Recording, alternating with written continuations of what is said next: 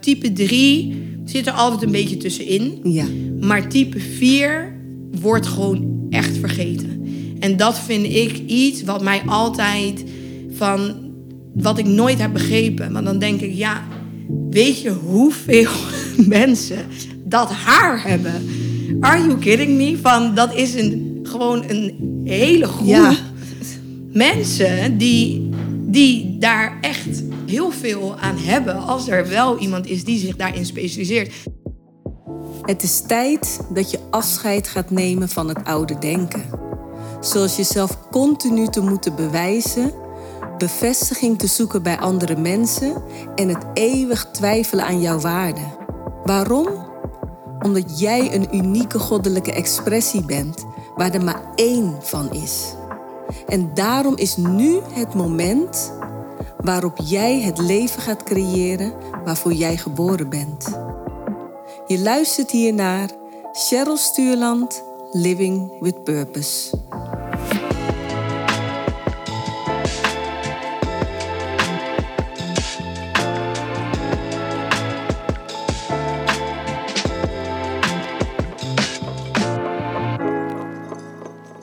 Welkom Kelly. Dankjewel.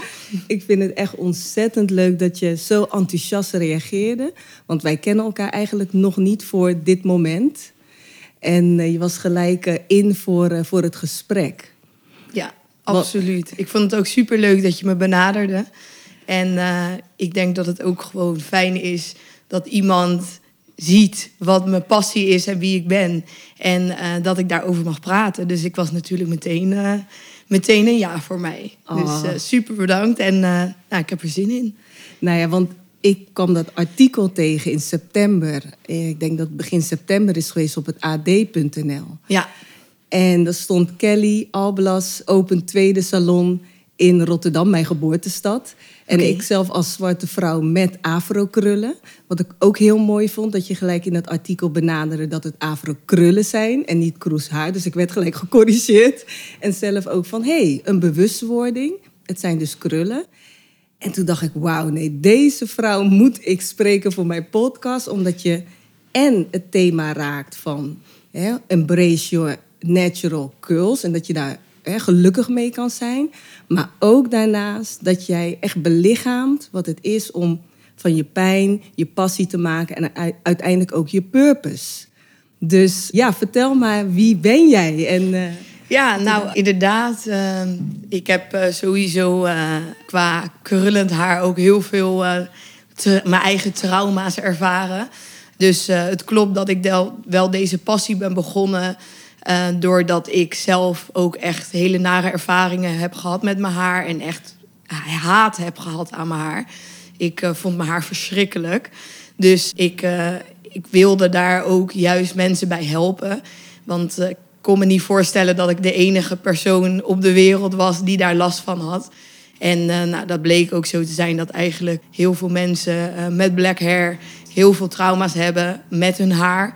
Maar ook heel veel schaamte en eh, niet goed weten wat ze ermee moeten. Dus aan de hand van dat ben ik wel deze passie begonnen. En eigenlijk puur om mensen te helpen. En niet zozeer van, oh, ik eh, word een heel succesvol grote krullensalon bedrijf. En eh, ik, ik ga helemaal all over the world. Maar gewoon echt uit, ik ga als mensen helpen die hiermee struggelen. Want ik had vroeger ook niemand die mij daarmee kon helpen. Dus ehm, toen ben ik eigenlijk puur begonnen aan huis. Gewoon op de bank. eh, mensen gaan helpen met hun, hun krullen. En dan voornamelijk type 3 en 4. Type 3 is het mixhaar en type 4 is echt het afro-hair. En dat is ook het type haar wat het meeste problemen ervaart met zijn krullen. Dus daar ben ik me echt op gaan focussen. En dat hadden mensen ook echt nodig, merkte je. Dus eh, ze waren echt blij ook met gewoon puur advies. Dus eigenlijk puur alleen het advies. Wat moet ik ermee doen en hoe moet ik het verzorgen? En dat ben ik eigenlijk gaan uitbreiden. En ik kreeg gewoon heel veel mond-op-mond reclame. Ik heb amper reclame hoeven maken. Ik heb wel op een gegeven moment een website en alles natuurlijk moeten maken. Maar ik heb nooit echt heel hard reclame moeten maken. Het was puur mond-op-mond reclame. Er kwam iemand bij me thuis en eh, heel veel mensen vinden dat natuurlijk heel spannend. Want die eh, vinden het eng. En ze hebben al meerdere kappers geprobeerd. Ze hebben slechte ervaringen gehad of eh, ze voelen zich toch niet begrepen of niet welkom. Dus het is ook puur een beetje in iemand, onder iemands huid kruipen van... komt goed, uh, ik, ga, ik ga je helpen. Dus ik ging ook niet random zomaar beginnen met die haren. Ik ging gewoon eerst eens een gesprek aan van... goh, vertel, wat, wat is jouw haarprobleem? Wat is jouw haartrauma? Wat, uh, wat is de reden dat je het zo eng vindt? En aan de hand van dat ben ik eigenlijk een intake gaan houden uh, voor uh, echt als treatment. En een intake houdt echt in dat je even het gesprek aangaat met je klant. Dus puur, wat is er nou eigenlijk wat je graag zou willen? Waar loop je tegenaan? En dat hadden mensen ook nodig. Want je kan wel iemand in je stoel zetten, gaan knippen, haar doen en klaar. Maar dat is niet waar je vertrouwen bij wint voor een klant. Nee, dus die intake is zo belangrijk. Ja, want als bezoeker, ik heb nu tweemaal je salon in Rotterdam mogen bezoeken. Voor mij was het al nieuw toen ik zag staan intake. Wauw, dat er echt een soort van een persoonlijk gesprek werd gevoerd met mij als klant over mijn type haar, mijn persoonlijke haar en wat ik nodig heb. Dat vond ik al geweldig. Ja, ja sowieso uh, heel veel mensen die denken ook dat ze geen intake nodig hebben. Want die uh, krijgen regelmatig ook de vraag: ja, maar ik weet alles al en ik wil gewoon die treatment. Dus ik hoef die intake niet, want ik ben al CG en ik weet alles al. Maar die intake is niet alleen maar om jou te leren hoe je CG moet worden of hoe je biologische producten erkent. Het is eigenlijk ook gewoon puur. We willen jou ook het vertrouwen geven dat je bij ons ook gewoon terecht kan. Wie ben je? Wat doe je? Iedereen is anders. Eh, ik heb mensen die uh, zwemmen elke dag in chloor. Ik heb mensen die aan de hand van hun werk altijd alleen maar staartjes moeten dragen. Ik heb mensen die heel veel sporten, waardoor ze heel veel zweten. Dus iedereen's haaradvies is anders. Je kan niet hetzelfde advies geven aan iedereen. En daarom vind ik die intake ook fijn zelf. En ik kan mijn kwaliteit ook hoog houden door zo'n intake te geven. Want daardoor kan ik echt iemand persoonlijk helpen. En niet alleen maar een standaard routine doen. Want zo werkt het in mijn ogen ook niet. Dus ik wil echt de persoon helpen met zijn haarroutine. En ook niet alleen maar na de intake, maar juist, oké, je weet nu wie wij zijn. You can trust us. En nu gaan we verder met je haarroutine en we gaan het gewoon samen doen. Dus niet alleen maar jij die struggelt in de badkamer van wat moet ik doen. Maar gewoon, we gaan samen gewoon die haarroutine aan. En het is ook het haar leren kennen. En het is ook leuk om te zien, want mijn klanten die worden daarna vaste klant. Ze komen weer terug en je ziet gewoon, ja, je ziet ze gewoon letterlijk steeds meer stralen. En mensen die in eerste instantie altijd staarten droegen en dan nu gewoon met hun haar los. Ja, dat is voor mij, daarvoor doe ik het. Ik vind dat zo mooi om te zien, omdat ik dat echt uit ervaring zelf ook heb ervaren. En mensen zullen misschien bij mij ook wel denken van... ja, maar jij hebt mixhaar, type 3, 3B, 3C... van wat weet jij nou van hair struggles? Ik denk sowieso dat het voor iedereen anders is, zijn hair struggle. Ik geloof wel dat iedereen zijn eigen struggle heeft. En ik zeg ook altijd, je haar... het is eigenlijk bijna verminking als het niet goed zit. Want het zit aan je lijf, het maakt je tot wie je bent... Dus als je haar verkeerd wordt behandeld of het is afgebroken of het wordt dunner of je bent scheef geknipt, dan voel je je echt verminkt. Zo heb ik dat wel ervaren. En ik ben zelf geadopteerd. Ja, want hoe ben je zelf op dat punt gekomen dat jij bent gaan ontdekken wat jouw haar nodig heeft voordat je anderen bent gaan helpen? Ja, nou, ik ben zelf geadopteerd, ben geboren in Brazilië geadopteerd samen met mijn oudste zus en mijn zusje. Dus we zijn met z'n drieën in één gezin gekomen. Wauw, hoe oud was je toen? Ik was vier. En uh, mijn, zusje was, mijn zus was wat ouder. Mijn zusje was, uh, was de jongste. Zo. Maar ja, wij kwamen in Nederland, maar echt bij een Hollandse boerenfamilie eigenlijk. Allemaal ja, stelglad uh, haar. En die hadden verder ook geen ervaring met mensen van kleur of met mijn, met mijn krul. Dus mijn haar is altijd ja, wel echt een struggle voor mij geweest. Omdat ik de enige was in mijn omgeving met dat haar. Dat maakt het al, dat is al struggle 1. Van, oh, ik ben echt de enige die dit haar heeft. Waardoor je al gaat denken van, hm, apart. Want ik ben opgegroeid in het Westland. Dus dat was ook echt in Quinshul. Dat is echt een dorp in het Westland. Waar je eigenlijk niemand van kleur echt uh, kon vinden. Dus uh, nou, mijn eerste struggle was al dat mijn moeder mijn haar droog kamde. Dus ik, uh, nou, ik had gewoon één grote pluizenbol op mijn hoofd. Uh, waardoor mijn haar ook echt leek op um, ja, afro hair. Dus ik wist ook niet dat ik krullen had. Ik heb altijd in mijn hoofd gehad dat ik afro hair had. En zo zag het er ook uit, want er werd geen cremmetje ingedaan. Het werd op verkeerde manier verzorgd, verkeerde borstels. Mijn moeder kon ook niet vlechten en zo. Want dat is ook natuurlijk nog het verschil dat uh, als jij in een familie zit waar je een tante hebt of een moeder die braids kan zetten of die uh, je haar zelf kan ontkroezen of wat dan ook. Dat kon mijn moeder allemaal niet. Dus er werd ook echt maar gewoon wat gedaan. Waardoor ik eigenlijk ook voor een groot deel van mijn leven gewoon echt gewoon liep met mijn haar alle kanten op. En daar, ja, dan word je natuurlijk ook wel uh, mee gepest als kind. Want vooral kinderen die dat nog nooit hebben gezien, die zien dat ook als raar en heftig. En wat is dat? En daaraan zitten. Dus uh, dat was al mijn struggle als kind. Toen ik puber werd, toen heb ik echt mijn haar gehaat. En toen wilde ik blond en stel haar. Toen was ik ook blond met stel, stel haar. En jouw moeder, dus, want jij ervaarde de, uh, pijn en struggles ermee. Ja. Want ik kan me voorstellen als het haar droog wordt gekamd uit eigen ervaring. Dat is pijnlijk. Ja. Wat was het moment dat ze dacht, oké, okay, ik heb hier misschien hulp bij nodig? Want in een artikel las ik dat je dus op een gegeven moment bij een black hair salon in Rotterdam terecht kwam. Ja, dat klopt. Op een gegeven moment was het zo dat mijn moeder ook aan haar eigen kapper ging vragen van ja, wat kan ik nou het beste doen? En die vertelde dan dus dat er black hair salons zijn, wat wij ook allemaal niet wisten, nee. dat dat bestond überhaupt. Dat er black hair salons zijn die dan daar meer ervaring in hebben en ons wel zouden kunnen helpen.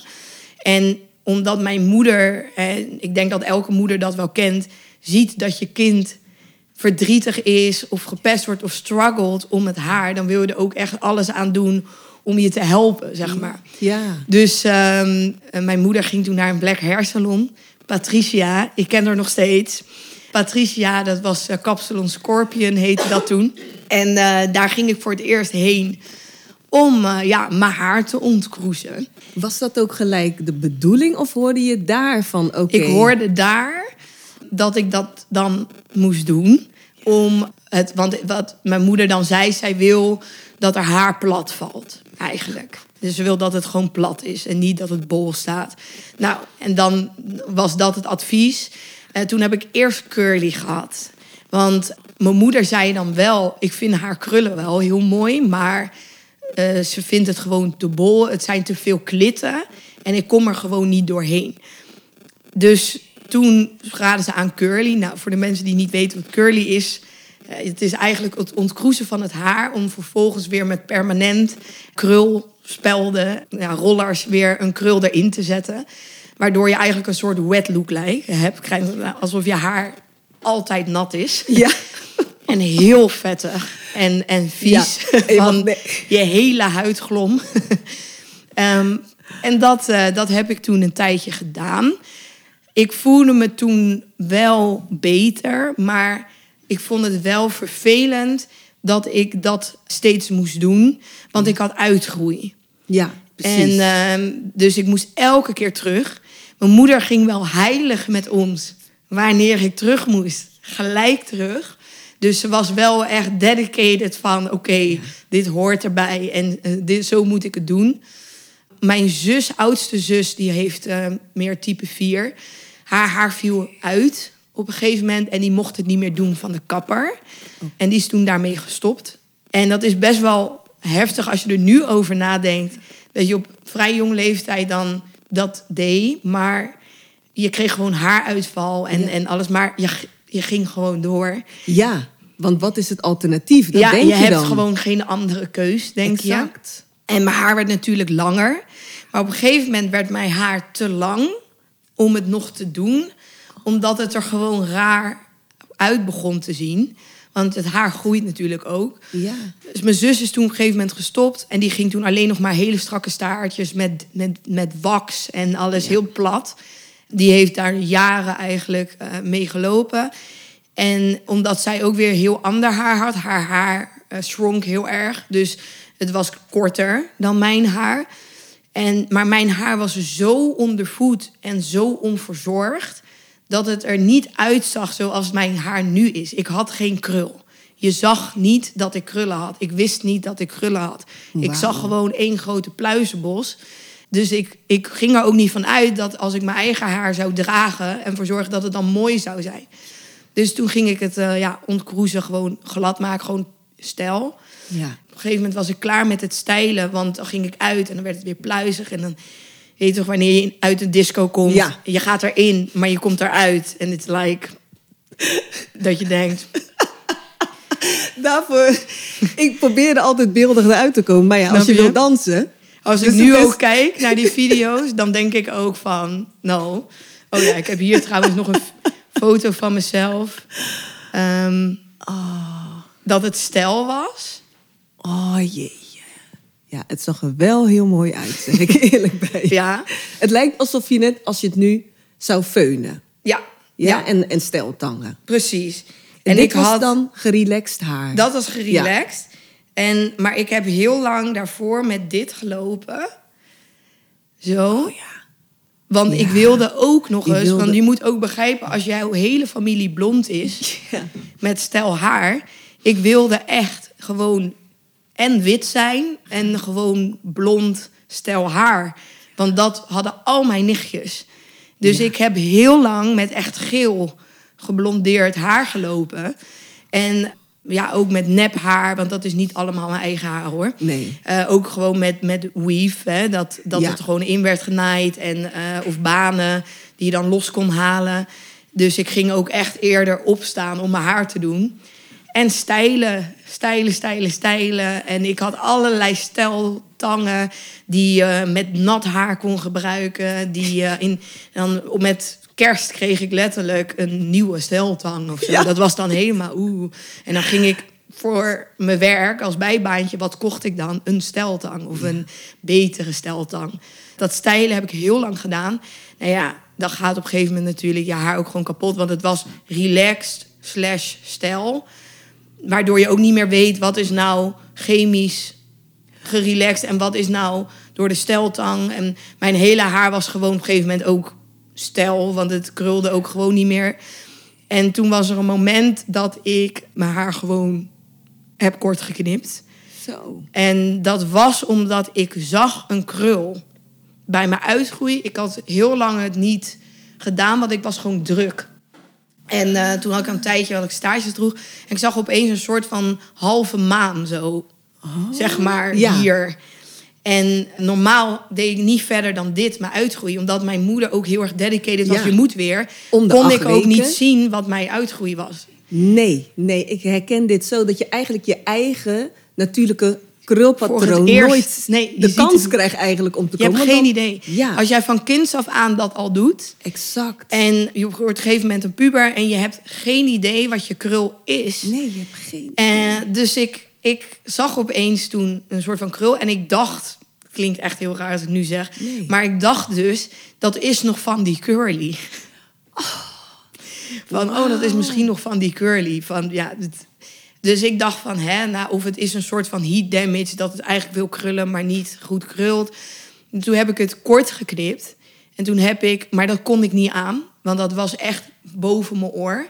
En daar heb ik toen niet mee gelopen. Ik heb toen met weave wel, een, wel krul. Maar met weave heb ik toen wel lengte erin gezet. Want Mhm. ik vond dat gewoon echt te kort. En je knipte je haar af vanwege dat dat haar op een gegeven moment dood ging? Ja, of er niet meer uitzag gewoon, door het eh, stylen? ja. En, want je bent op een gegeven moment, ja, dan ga je relaxen over relaxed haar. ja. zeg- zeg je nou, ik moet ook eerlijk zeggen, omdat ik dus heel erg opgegroeid ben door eh, een witte familie. Ik had ook niet heel veel contact met nou, mensen van kleur. Ik moest letterlijk heel erg leren wie ik was. Ik heb ook een hele tijd best wel een identiteitscrisis gehad. Dat ik me. Ik, ik was. Ja, ik ben opgegroeid door gewoon Nederlandse mensen. En ik sprak ook zo en ik deed ook zo.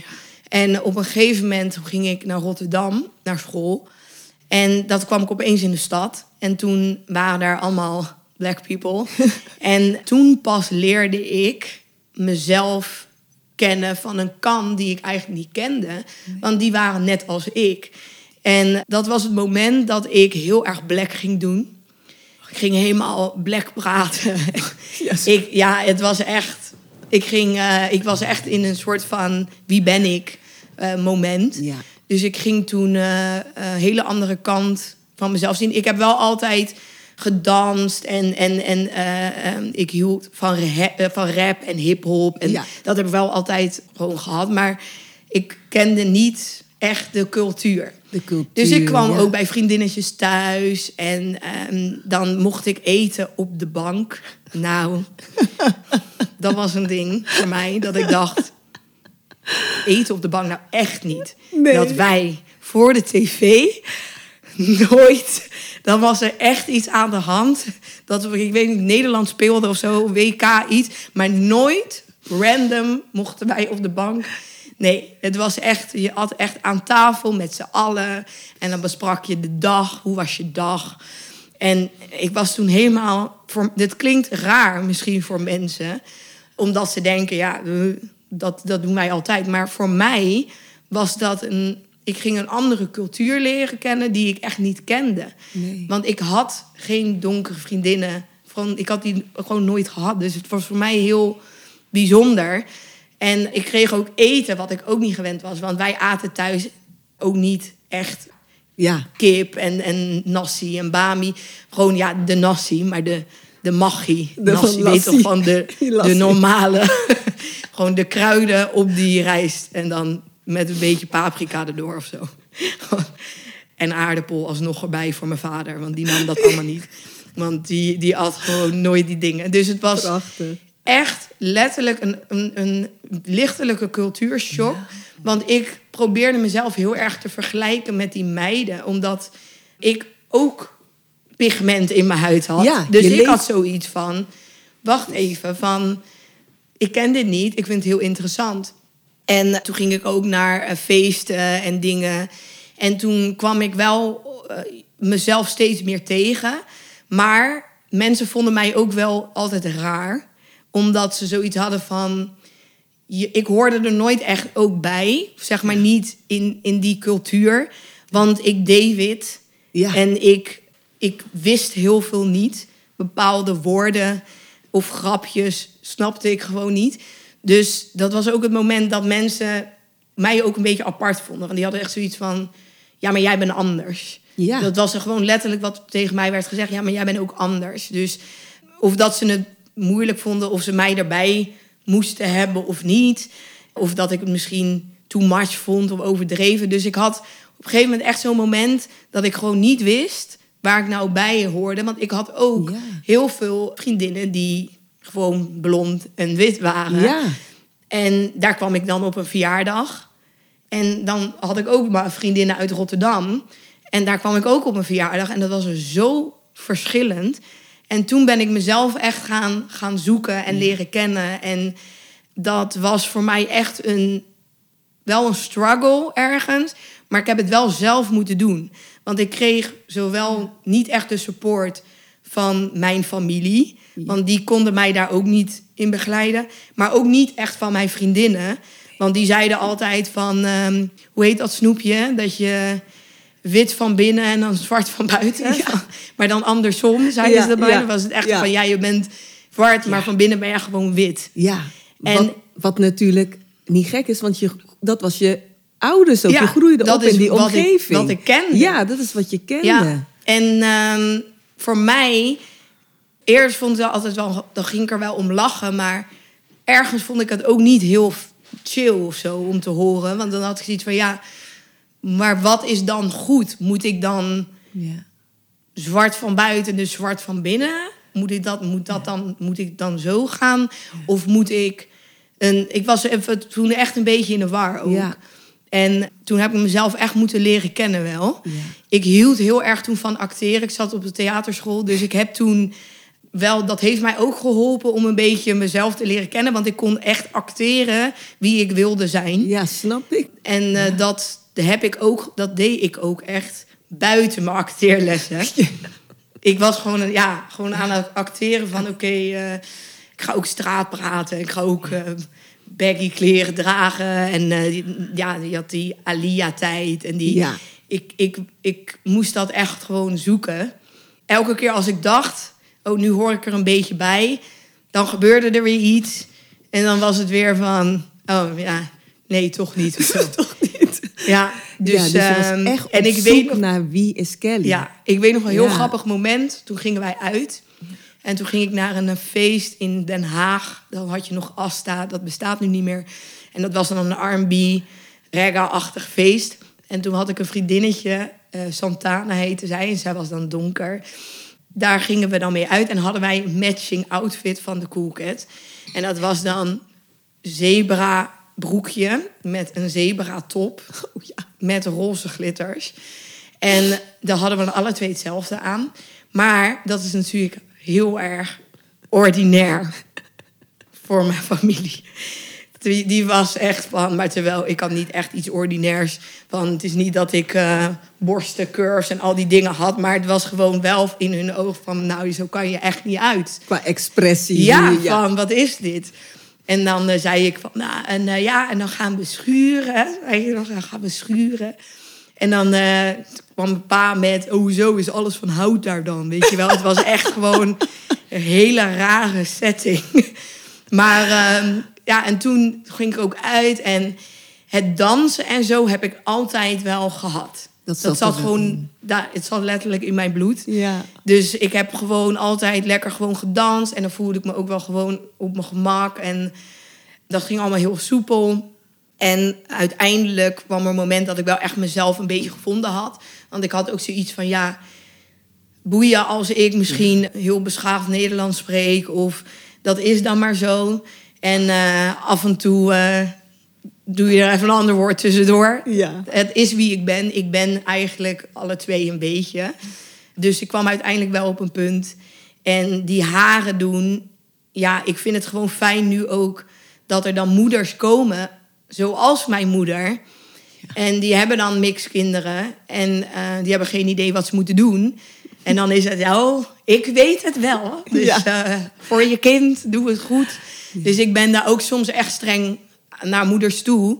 Want mijn moeder, die, ik denk dat ouders, en dit is ook gelijk een les van ouders beseffen niet Ja. dat zij vaak de oorzaak zijn waarom de kinderen moeite hebben met hun haar. Ja. Onbewust maken ouders opmerkingen. En mijn moeder heeft dat bij mij ook gedaan, waardoor ik ehm, dat ook weet hoe ik me daarbij voelde. En dat zijn al simpele dingen als in, ja, we merken het als wij haar advies geven aan moeders. En wij zeggen, nou je moet echt eventjes eh, elke dag wel de klitten eruit gaan halen. Elke dag? Nou, dan mag ik wel drie uur eerder op. Maar een kind hoort dat. Een kind zit namelijk voor mijn neus. Die hoort dat die moeder puft, zucht, dat zij dat haar moet ontklitten. En dat dat heel veel moeite gaat kosten. In ieder geval, dat, dat zien hun zo. Want dat is, wij zeggen juist van, dat is niet zoveel moeite als je weet wat je moet doen. Exact. Ehm, en dat zijn die kleine dingetjes wat ouders niet doorhebben, waardoor een kind later, wanneer ze puber zijn, gewoon denkt: Weet je, ik heb moeilijk haar, ik ga het gewoon eh stel doen en ik ga het gewoon ontkroezen of wat dan ook. Want eh, het is allemaal gedoe.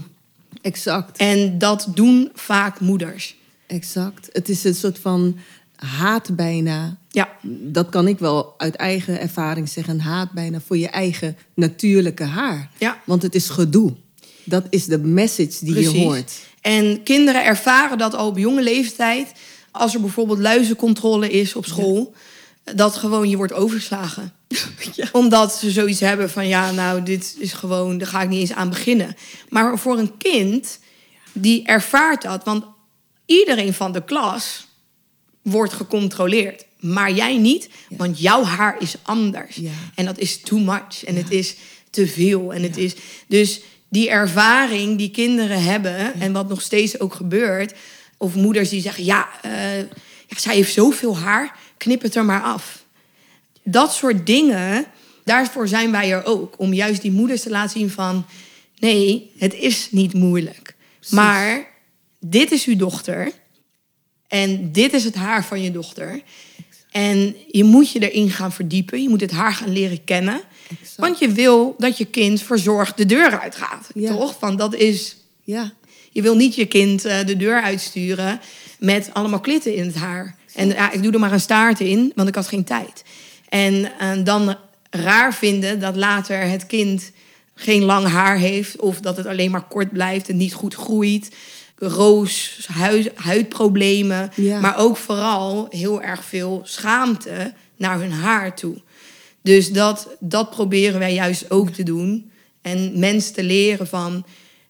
Het maakt niet uit. Type 4 is altijd neergezet als heel erg moeilijk en anders. En ik zie dat niet zo. ja, want je vertelde op een gegeven moment... het haar heb je toen geknipt. Nou, Ja. dat- je wilde niet met zo kort haar de deur uit. Dat Nee. vond, je niet, vond je niet prettig. Toen heb je weefbanen gezet. Ja. Maar toen kwam je eigen textuur. Ja, Want dat is volgens mij het begin geweest van, eh, van het hele gebeuren. Ja, Ja, klopt. ja. Ik, ik zag mijn eigen textuur eigenlijk komen. En dat was eigenlijk een toen nog wat uitgezakte, wat dikkere krul. En toen was ik best wel shocked. Want ik had zoiets van... Oké, wat raar. Van, is dat nog door het ontkroezen? Is dat nog door... Is dat een soort van heat damage? Maar het werd steeds langer, want ik heb wel altijd gehad dat mijn haar best snel groeide. En dat heb ik altijd gehad. Mijn zusje heeft dat, mijn zus. We hebben het geluk dat ons haar groe- snel groeit. Dus daardoor duurde het niet heel lang om voor mij te kunnen zien van... oh, het gaat eigenlijk de hele andere kant op mijn krul van... wat is dit? Op een gegeven moment toen zag ik wat mijn krul was. En toen ben ik het, toen het deze lengte was... Dus eh, ongeveer... net onder mijn oor ben ik het Ja. gewoon gaan dragen. Ja, En ehm, gewoon natuurlijk. zonder- Natuurlijk, helemaal gewoon. En ik, ik, heb, ik ben niet van de staartjes. Nee. Ik heb bijna nooit staarten gedragen. Nee, dus dat was niet je ding. Nee, ik wilde nooit mijn haar strak. Van, Nee. Ik wilde het altijd gewoon los. En eh, toen, nou, toen zag ik gewoon mijn krul. En toen heb ik nog een gesprek gehad met mijn moeder. Echt. Ja, ik heb ge- gegoogeld en ik, heb, en ik dacht van, nou, is mijn krul veranderd? Kan dat? Is het... Maar toen zag ik foto's van vroeger. En toen keek ik en toen dacht ik... Toen ik echt net, net in Nederland was... Toen dacht ik gewoon, ik heb gewoon altijd deze krul gehad. Maar het gewoon helemaal verkeerd verzorgd. Dus toen ervaarde ik pas dat, dat ik echt wel gewoon hele mooie krullen had. En toen ben ik het gaan embracen, maar ik vond het heel interessant. Want ik had zoiets van, dit is mijn haar.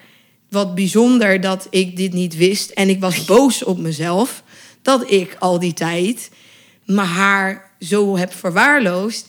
Terwijl ik blij was met mijn krul, hoe die was. Ik vond het een mooie krul en ik dacht van, nou, ik vind het eigenlijk wel heel mooi. Zo. En ik gaf dat altijd als voorbeeld voor de, bij de foto's. Bij de kapper met curly. Ja, ik wil een beetje deze krul. Oh! Terwijl, ja, ik had gewoon die krul. Ja, dus... Dus het, was, dus, Ongelooflijk. dus het was voor mij een hele, hele andere vibe. En toen ben ik er gewoon gaan dragen. Toen deed ik, ging ik echt, echt mijn haar leren kennen. En dat Ja. was het moment dat ik mijn zus, met type 4 ook... en mijn zusje natuurlijk, want ik had verder geen andere familie waar ik hè, op kon eh, oefenen. Experimenteren. Ja, want hoe, hoe ontdekte je dan hoe je dat haar moest verzorgen? Ik ben heel veel op mezelf gaan testen. Want dat was gewoon safe.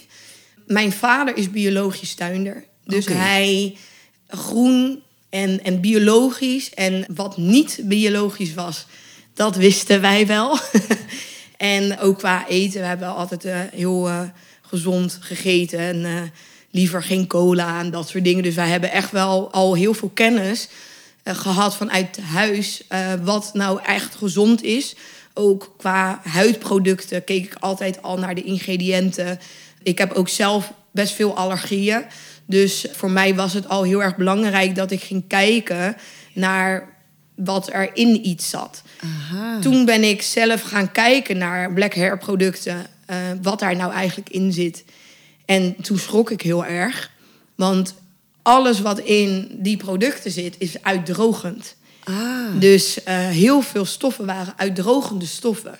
En vooral eh, met name alcohol zit bijna in alles.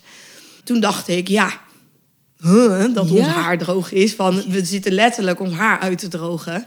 Met crèmes die letterlijk uitdrogen. En toen ben ik zelf gewoon gestopt daarmee, met uitdroogproducten. Toen was het toen echt wel moeilijk om iets te vinden... wat volledig biologisch was. Want we praten over hoeveel jaar terug? Even kijken. Ik was toen 18. Ik ben nu 31. Dus eh, rond mijn 18e. En toen ben ik dus gaan kijken naar eh, ja, producten. Nou, toen, eh, toen ben ik eerst begonnen met Novex. Daar zat wel, dat was niet volledig CG-vriendelijk zoals ze het nu noemen, maar wel bijna. Dus daar kwam ik al in de buurt van. Toen heb ik dat een tijdje gebruikt. En dat werkte eigenlijk heel goed. Maar ik merkte wel dat mijn haar heel erg moest wennen aan alles eh, ja, veranderen. En, en het, werd steeds, pardon, het werd steeds mooier en beter. En toen ging ik verder ook eigenlijk een beetje logisch nadenken. Zo, het klinkt raar, maar dat is uiteindelijk wel wat hier gebeurt. Van, Wat dachten wij? Toen begon het eigenlijk al met zeep. En toen dat ik dacht, oké, ik ben zelf, omdat ik allergieën heb... kan niet zo goed tegen zeep, want dan wordt mijn huid heel droog. En dan krijg ik eczeem. En toen dacht ik, maar in shampoos is ook zeep. Dus uitdrogend. En toen zag ik op een gegeven moment de documentaire over Indianen in, in de Rimboe. En die hadden echt het mooiste haar ever. Gewoon tot hun enkels en sterk. En die kinderen wikkelden er ze in. Zo sterk was dat haar. Die droegen letterlijk die kinderen in hun haar. En toen dacht ik, deze mensen wonen in de Rimboe. Gebruiken geen shampoos, geen shit in hun haar. Maar het vochtgehalte in de Rimboe is heel hoog. Dus het haar wordt constant nat. En die doen ook geen olies en al die dingen. Dus toen dacht ik van oké, mijn zus, mijn oudste zus, die had type 4. En haar haar werd nooit nat. Dus Nee, want dat was ook de message. Je mocht je, mocht je mocht je haar, niet nat, maken. Maar dat, kwam echt- omdat ja. je het had gerelaxed. Ja. En omdat je, dus het is in de tijd dat je chemische troep deed, dat je dat niet mocht. Maar we hebben het hier over natural hair. Juist. En eh, wij zijn niet gemaakt voor Nederland. Weet je, we zijn eigenlijk, horen wij ook, in een andere environment. Maar wat jij nu zegt, hè, is zo waar. Want zelf mijn huid, als ik in de tropen ben, Ja. hoef ik me bijna niet in te smeren. Is beter. Terwijl hier moest ik me altijd insmeren, want mijn huid was altijd droog. Precies. Exact ook het haar. Dus wij moeten ons aanpassen qua hoe wij onszelf verzorgen. we waar moeten we ons leven. aanpassen waar we leven. Waar we leven. En heel veel mensen denken van, oh ja, black hair, ja, daar hoef je niet zoveel mee te doen, want het is gewoon dit haar. Dit is ja. het punt. Ja. Dus of we vlechten het, want dat is makkelijk. En dan halen we de vlechten er weer eens uit. Doen we een keer een wash and go en dan vlechten we het weer. En toen ervaarde ik wel dat mijn zus daar haar gewoon echt heel erg ondervoed was. En die ondervoeding, dat was een hydratatieprobleem. Daarin merkte ik van, wacht even, we doen het echt allemaal helemaal verkeerd. Er is een, eh, een testje met water en gras. En daar heb je een uitgedroogd grasveld. Een wat beter eh, grasveld dat al wat beter gehydrateerd is. En een eh, grasveld dat helemaal goed gehydrateerd is. En daar leggen ze op de kop een glas water op. En het gras dat helemaal droog is, neemt het vocht niet op. En het glas dat een beetje eh, nou, gehydrateerd is, gaat heel langzaam het water naar beneden toe. Terwijl dat glas op de kop staat. En dat glas dat goed gehydrateerd, of dat gras dat goed gehydrateerd is, gaat het water gaat meteen in dat gras. En dat, dat is eigenlijk het voorbeeld wat, wat ik eh, toen ook heb ervaren met mijn zus. Je maakt het nat, maar het haar neemt het vocht niet op. En dat noem je gewoon onderhydratatie. En wat doen olies? Olies halen het vocht uit het haar.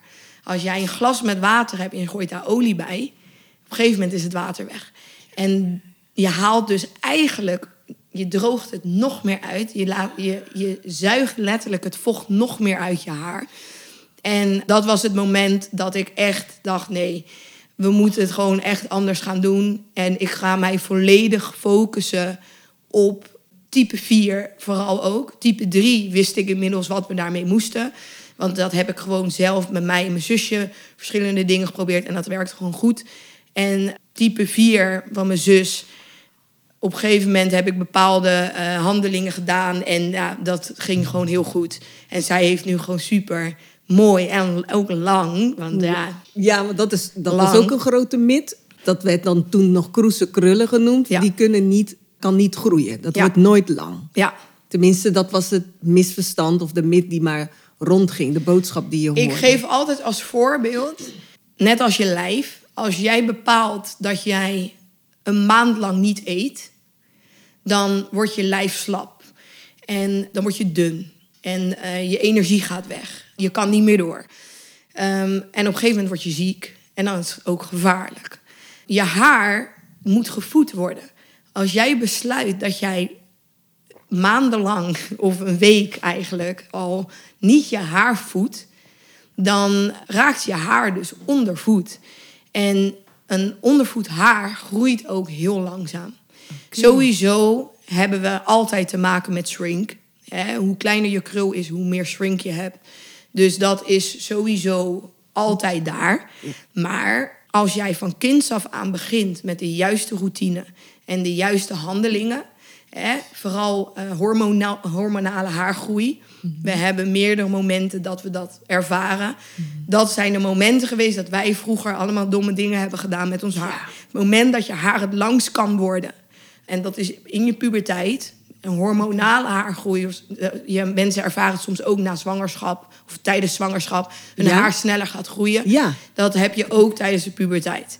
Dus op dat, dat moment zijn we gaan ontkroesen, relaxen, stijlen. Dus zijn we eigenlijk ons haar aan het verpesten. Want mensen zeggen ook, vroeger deed ik dit en dit, maar mijn haar komt dat gewoon aan. Maar dat is het moment dat je haar het sterkste is van alle momenten in je leven. En als jij op dat moment je haar goed voedt en weet wat je moet doen, ja. kan je haar echt wel lang worden. En er is verschil natuurlijk in shrink. En niet iedereen kan haar tot zijn bil hebben. Maar als je het uittrekt, Mhm. dan zie je eigenlijk pas je lengte bij bepaalde krullen. Dus het is natuurlijk. Ja. Er is een verschil in wat lengte zien Ja, precies. en lengte Ja. daadwerkelijk, Ja. wat ook echt je lengte is. Want het shrinkt. Precies. Dus het kan wel uiteindelijk eh, heel lang worden. Maar ik denk niet dat dat belangrijk is. Ik denk dat we niet te veel moeten focussen op de lengte van ons haar. Maar vooral ook hoe verzorgen we het het beste. Ja. En wat kunnen we ermee met deze lengte en met deze krul. Van wat, moeten we er, wat kunnen we ermee doen? Ja. En hoe kunnen we het het beste verzorgen en dragen? En ik zeg zelf altijd, je haar is net als een plant. Als jij het geen water geeft, groeit het niet. En vocht, als jij googelt nu droog haar, krijg je gelijk olies te zien. Ja, dat, en dat ja. is het moment, daar gaat het sowieso fout. Ja. En dat is iets waar wij bij Fix Girls ook juist heel veel eh, ervaring in hebben. Ik heb mijn personeel ook echt helemaal getraind en begeleid hoe ze het moeten doen. Want sommigen kwamen van de Kapper Academie. Maar zoals we weten in Nederland kan je niet leren bij de Kapper Academie, wat echt iets heel ernstigs is, hoe je krullen, natural hair, moet verzorgen. En sterker nog, ik sprak laatst mensen van de Kapper Academie. En die hebben zelf allemaal krullen. Ja. En die hebben gevraagd: mogen wij leren hoe we krullen moeten doen? En de reactie van de docenten was: vraag maar aan jouw familie. Ah, ja, dat want- weet toch jouw familie. Ja. En daarin merk je al dat in Nederland afro hair, black hair, krullen worden nog steeds niet gezien als iets wat noodzakelijk is. Het is niet noodzakelijk, want we kunnen het ook stijlen. Ja. En we kunnen het ook relaxen. En we Ja. kunnen ook een pruik dragen. Ja. En Ja. het is echt niet zo dat mensen alleen maar pruiken dragen omdat ze hun haar niet mooi vinden. Hè? Van, eh, soms wil je even wat anders. Ja. Hè? Want laten we wel eerlijk zijn, iedereen. Het is niet zo van, oh, die draagt een wig, want die vindt haar eigen haar niet mooi. Dat is ook niet wat ik zeg. Maar het is wel hoe, de, eh, hoe, de, ja, hoe Nederland en ik denk ook veel andere landen kijken naar een kapperacademie. En ze weten ook niet waar en wie ze moeten vragen überhaupt voor dat soort dingen. Want iedereen heeft ook weer een beetje zijn eigen routine en zijn eigen manier. Maar ik denk ook dat er weinig mensen zijn die dachten... ik ga me echt verdiepen in black hair. Want Ja, maar zelfs de Black Hair Salon, precies waar jij dus toen terecht kwam, waar ik ook Ja. zelf naartoe ben gaan. Het is niet dat zeiden, nou, laten we eerst kijken hoe we jouw natuurlijke haar zo goed mogelijk kunnen behandelen. Dus het was ook direct van, oké, je kunt kiezen tussen deze chemische behandeling, vlechten, eh, nou ja, allerlei eh weef of extensions toevoegen. Ik heb nog nooit de optie gekregen als een behandelingskeuze om mijn eigen natuurlijke haar Ja. te behandelen. was nooit een optie. ik denk wel ook dat het wel te maken heeft met de tijd. Dat- Ik ben nu niet meer in veel black hair salons geweest. Dus ik weet Nee. niet ehm, hoe zij daar nu in staan. Hè, misschien dat ze nu daar wat meer ervaring ook Ja. in hebben. Maar in die tijd, In die tijd. was dat geen optie. Nee, was- Ehm, en als dat een optie was, dan, dan werd je ook echt een beetje aangekeken van... ja, je gaat toch niet hier de, eh, de deur uit met je afro, doe eens even. Van, van, ik laat jou zo niet mijn salon uitgaan. Ja, klopt. Dat was echt wel even een van, ja, dan... Klopt, klopt. Weet je, dus dat is wel... eh, ik denk dat de tijd wel verandert. Ja. Maar ik denk ook, wat ik jammer vind, is dat het verdiepen in iets Ja. wat mensen denken dat dat niet belangrijk is. En ik zelf, nou, ik heb dan op een gegeven moment mijn natural hair gedragen. Maar ik merkte mijn zus, omdat haar krul was kleiner en Ja. zij had niet de lengte die ik kon krijgen, die ervaarde weer iets anders dan ik. Dus ik heb mijn trauma's en daarom zeg ik, iedereen heeft zijn eigen trauma's. Ik heb mijn trauma's, maar mijn zus heeft weer heel ander, anders ervaren met haar haar. Want die zegt dan van, ja, Kel, maar jij hebt gewoon nu best wel lengte.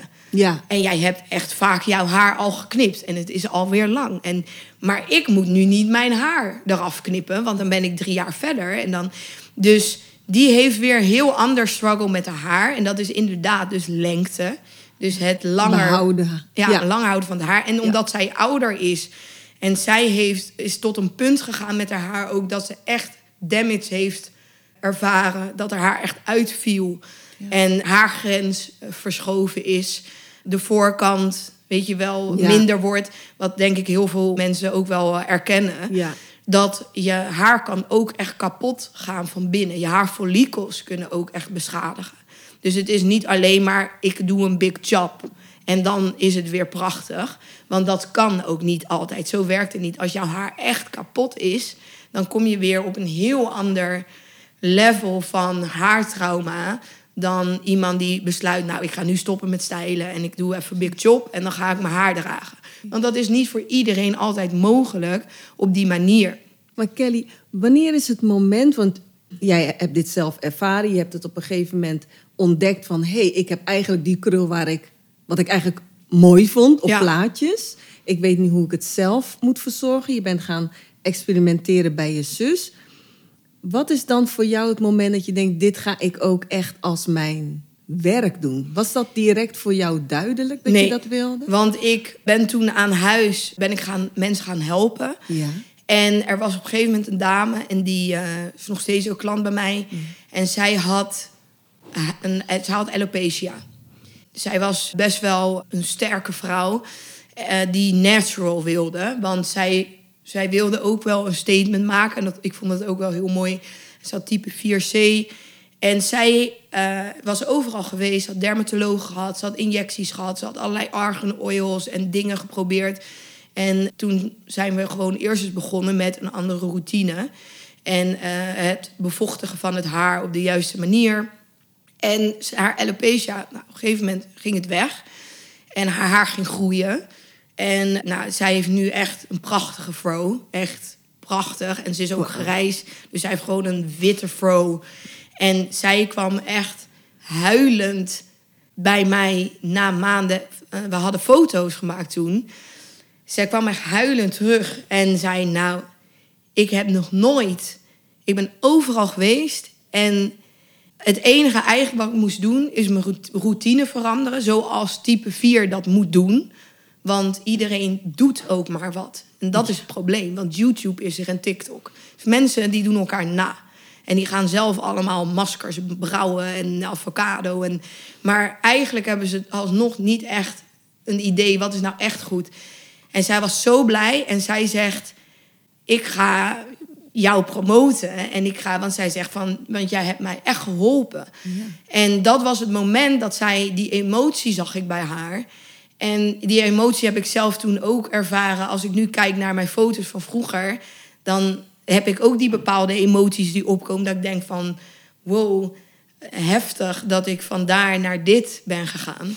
En dat was het moment dat ik dacht van, nou, ik kan echt mensen helpen. En ik heb mij altijd een beetje tussen de Hollandse familie en de black community van wat kan ik nou, wie ben ik nou en hoe kan ik mezelf nou neerzetten als vrouw waar mensen mij respecteren van beide kanten wie ik ben, maar ook ik was altijd sowieso altijd een beetje zoekende. En toen dacht ik van, ik ga hier gewoon mee door. En toen ben ik letterlijk een, salonnetje aan huis begonnen met echt een wasbak en een stoel. Klein, maar fijn, zeg ik altijd. Was wel een van nou, mijn beste tijd als kapper, moet ik eerlijk zeggen hoor. Want dat was gewoon hartstikke leuk. En we hebben daar, ge- ik heb jankende mensen in mijn stoel gehad. Ik heb, ik heb me toen heel erg geliefd gevoel, gevoeld. Zowel bij de black community als hè, bij, eh, bij de witte mensen, zeg maar. Dus ik voelde me heel erg op mijn plek. En ik heb zoveel mensen kunnen helpen. En ja, mensen waren gewoon blij. En eh, mensen met ook hè, chemo's en black hair. Eh, mensen die mixkinderen hadden en niet wisten van wat moet ik ermee, want ze hadden dan stel, zelf stelhaar. Maar ook gewoon mensen die natural willen, maar niet weten waar ze moesten beginnen.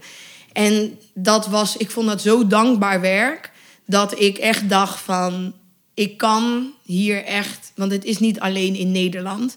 Ik kan hier echt wel Verschil maken. verschil maken. En ik kan echt iets doen voor mijn community. Omdat ik, ik spreek uit ervaring. Ik ben dit niet gaan doen als, oh ja, ik word krullenkapper en ik ga hier centjes mee verdienen. Ik, ga, ik ben echt dit begonnen uit, vanuit mijn hart. Ja. Vanuit, van als ik iemand had zoals ik vroeger, dan had ik heel veel nare ervaringen nooit hoeven doorstaan. Dus dat, dat is ook iets wat ik wel merkte van... ja, dit is gewoon mijn roeping. En eh, toen ben ik verder gaan groeien. En op een gegeven moment mensen gaan aannemen. Business life was wel eh, pittig. Ja, want wat is je... eh, je bent niet voor kappen gaan studeren of Nee. ben je uiteindelijk... Oké, dus je hebt het jezelf echt natuurlijk deze routine ontwikkeld. Ja. Ook voor de, voor de afro-krul ben je gaan ontwikkelen. In eerste instantie bij je zus en toen later natuurlijk meer klanten. Ja. En toen, toen werd het een business. Toen werd het een business. Ik heb de vitamin treatment zelf ontwikkeld.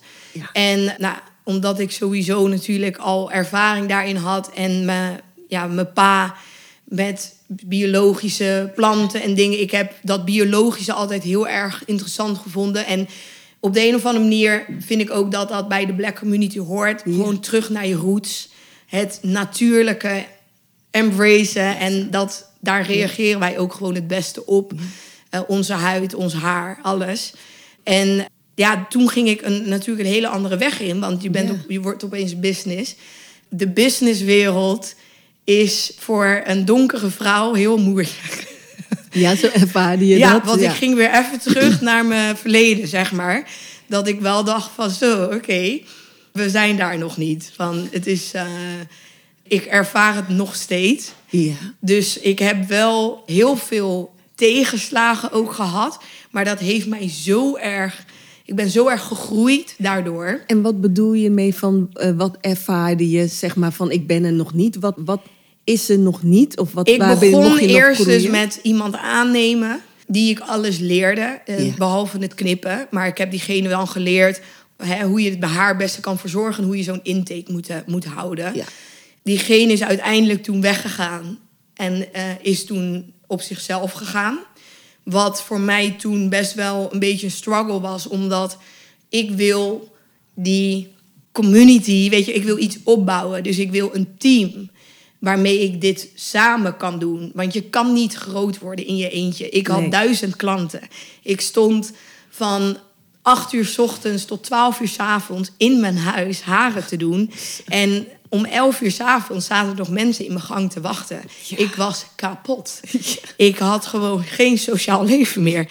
En, maar ik vond het zo leuk, waardoor ik op een gegeven moment op een punt kwam dat het, ja, je gaat zo Ja. ver.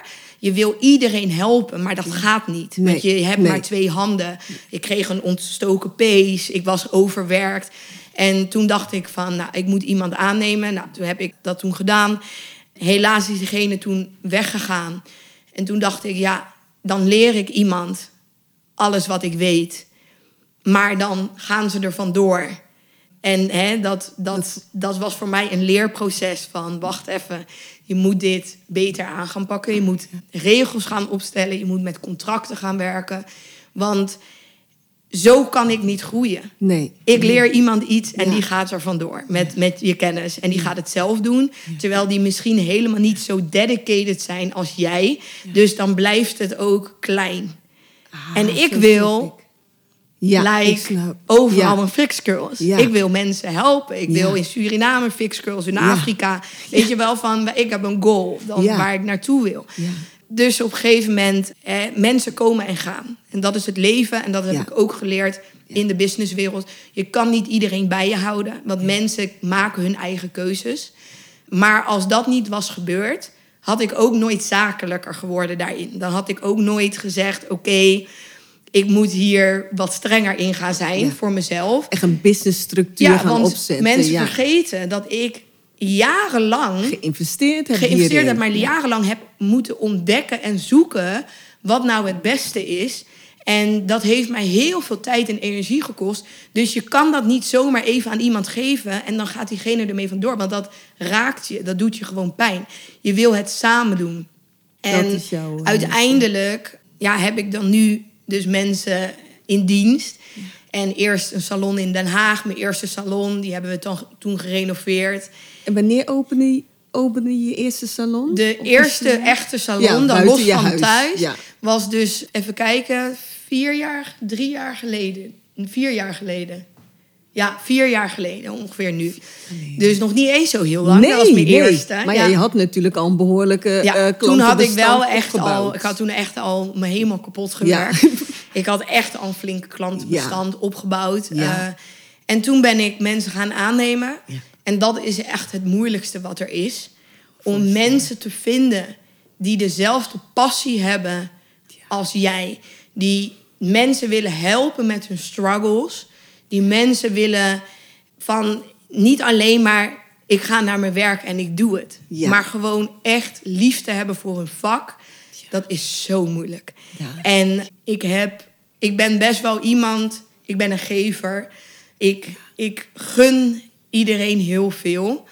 Ik wilde niet een baas zijn die, like, eh, een baas-baas. Want ik heb vroeger ook geen leuke bazen gehad. Dat, je moet gewoon met een lach naar je werk gaan. Je moet gewoon een familieband hebben. Mijn personeel is echt een soort van mijn familie. Ja. Want het is een ander soort familie dan de familie die ik heb. En eh, we delen dezelfde passie. En dat vind ik heel belangrijk. Natuurlijk zijn er alsnog ook weer mensen gegaan. Of Ja. dan, je merkt dan toch van het is toch niet hun passie. Of ze denken dat ze het zelf beter kunnen. En dan, dat is wel iets hè, wat jammer is, want ik ben iemand waar je mee kan praten. Ja. Dus als jij een bepaalde visie hebt of je denkt, ik wil dit zelf doen, Ja.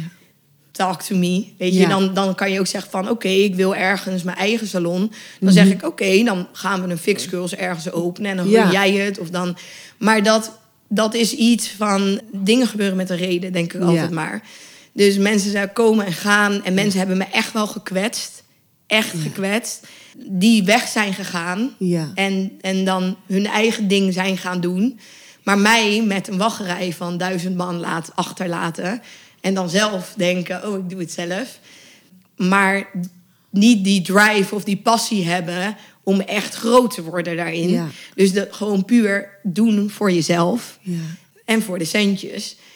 En dat is wel dus het moeilijkste aan dit vak. Omdat er dus geen opleiding is om dit te doen... moet je dus zelf je mensen trainen. Ja. En ik krijg elke dag een bericht... kan jij mij leren knippen? Kan jij mij alsof, alsof jij vraagt om eventjes... Ja, want dit is echt een specialisme Ja. om afro-haar Ja. ook weer te knippen. Of afro-krullen. En je eh, kan niet na één cursus of twee cursussen Nee. of drie leren knippen. Nee. Ja, dus dat is iets wat ik... echt in je mensen. ik want dat is wat je duidelijk eh, En ik wil heb, eh, ik weet ook gewoon, als ik een sterk team heb, hoe ik het nu doe. Ik heb een groep in Den Haag, die is begonnen in Den Haag. ja, Een van die meiden gaat Den Haag managen. ja. Dus die wordt verantwoordelijk voor Den Haag. voor Den Haag. Rotterdam is nu open. Precies. Een van die meiden gaat Rotterdam managen. Precies. Dan kan ik weer naar de volgende stad. Precies. En die meiden kunnen dus ook, die, ik geef ze ook de kans om hun Ja. eigen salon te kunnen runnen. Precies. En dan hoef je niet weer weg te gaan, opnieuw te beginnen. Aan, weet je van, ik heb al die stappen al voor je gemaakt. Ja. En je krijgt daar ook, je wordt daar ook voor beloond. Je gaat daar ook, je verdient daar ook meer op. En ik begeleid je ook in het zakelijke. Dus dat is ook de visie die jij nu hebt. Want dan maken we gelijk dat bruggetje van Ja. waar wil je naartoe met Fixcurl? Dus echt om dit verder te laten groeien en vanuit de familie eigenlijk verder Ja. te expanden. Dat is Ja. jouw. eh, Ja, van, ehm, ik denk dat wij overal wel een fix girl salon nodig hebben. Ja. Ik heb eh, mensen die komen uit Parijs. Ik heb mensen die komen uit Duitsland. Ik heb 60 Belgen. En overal zijn krullenkappers. Maar vergeet niet dat heel veel krullenkappers gaan tot mijn haar en niet verder. Ja. En ik ben zelf dan geboren natuurlijk in Brazilië. Maar in Brazilië ja. zijn krullen type 3-4. Dat zijn de krullen. En ehm, Ah, alles daaronder ja. is mix. Is het dat slacht, het wavy. De. Dus ik wilde juist mij op 3-4 focussen. Want Ja. er zijn zoveel, zoveel krullenkappers die type 2 al doen. Ja, En, ja. en daar hun ervaring en daar, dat weet, kunnen ze ook goed. Dus Precies. laat hun dat doen. Precies. En ik wil juist, type 3 zit er altijd een beetje tussenin. Ja. Maar type 4 wordt gewoon echt vergeten. En dat vind ik iets wat mij altijd van. wat ik nooit heb begrepen. Maar dan denk ik, ja, weet je hoeveel mensen dat haar hebben? Are you kidding me? Van dat is een, gewoon een hele groep Ja.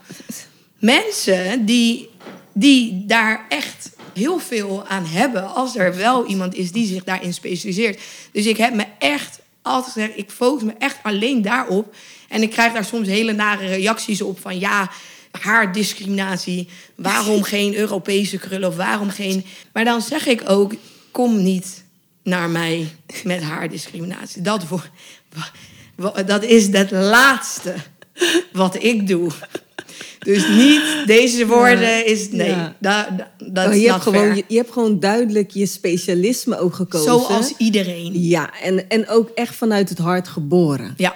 Want wat ik ook eh, mooi vond, wat je in een telefoongesprek toen zei, is dat toch soms nog wel wat wantrouwen is. Naar mij. Eh, ja, Ja. of jij de persoon bent die mijn type, ik heb vier type, een eh, type vier krul, Ja. hè, ja. Of jij met mijn haar overweg kan. ja.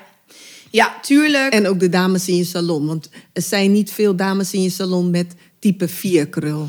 Ik heb vier dames met type 4. Ik had er ook één met 4C.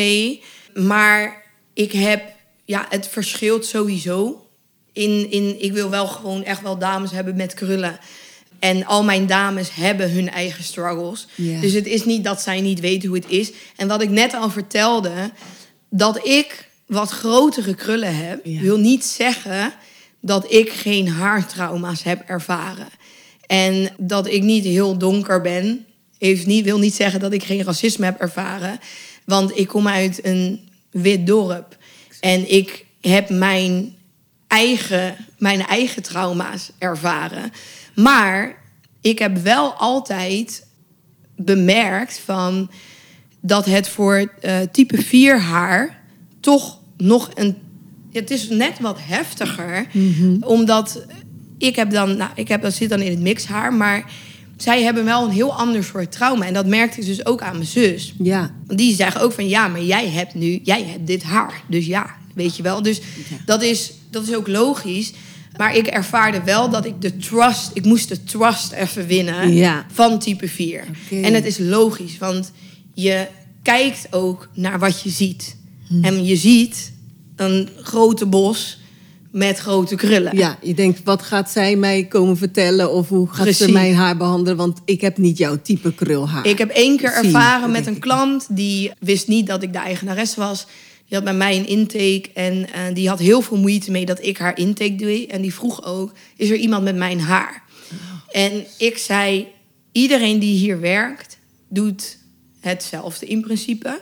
Hè? Dus geef mij even de kans om je te laten zien. Ik zei niet dat ik de eigenaresse was, want ik dacht ook van ja, dat zegt niks. Nee. Dat, voor diegene zegt dat niks.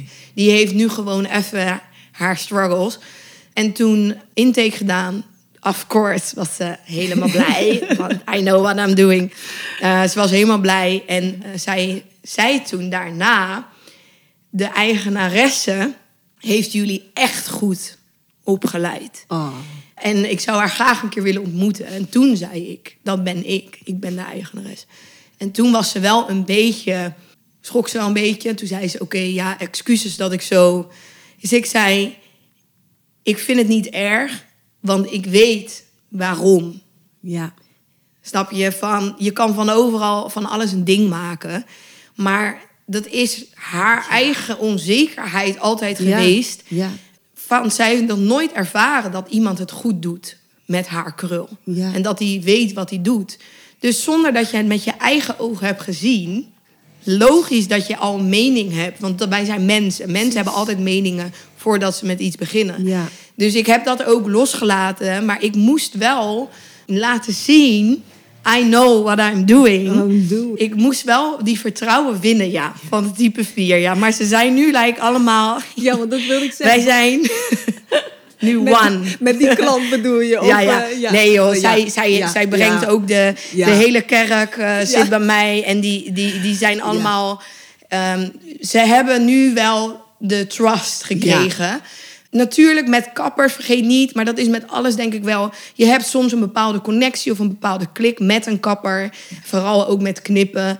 Als je je goed bij voelt, dan wil je ook graag bij die persoon terug. Ja. Soms zijn er ook mensen die zeggen wel van... waarom doe jij zo weinig zelf? Waarom heb jij niet een eh, heel TikTok-account of een Instagram-account als jou als persoon, hoe je knipt, wat je doet? En, en dan zeg ik ook altijd: het gaat niet om mij. Ja. Het is Fix Curls is niet Kelly.